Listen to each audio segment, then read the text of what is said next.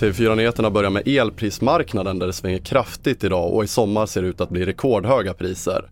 Från helgens 10 öre per kilowattimme i hela landet höjs det rejält till 2 kronor och 37 öre per kilowattimme i södra Sverige och i norra Sverige till 39 öre per kilowattimme enligt elbörsen Nordpool. En vindsvag prognos och stigande gaspriser i Tyskland tros ligga bakom ökningen. Även kriget i Ukraina har påverkat mycket. Kriget i Ukraina har ju medfört massiva höjningar av bränslepriser och bränslepriserna är faktiskt det som bestämmer elpriset eh, även i Norden och Sverige. Och det beror på att vi är sammankopplande med kontinenten där man använder mycket gas för elproduktion. Sa Magnus Torstensson, elmarknadsanalytiker, Energiföretagen. Och vi fortsätter i Danmark där giraffer och noshörningar tvingats evakueras efter en brand i ett stall på Köpenhamns zoo.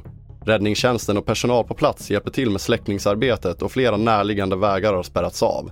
Det är i nuläget oklart om något djur har kommit till skada. Och vi avslutar i Frankrike där det blev ett historiskt bakslag för Macron.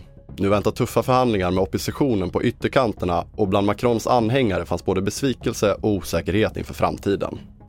Fler nyheter hittar du på tv4.se. Jag heter André Metenen Persson.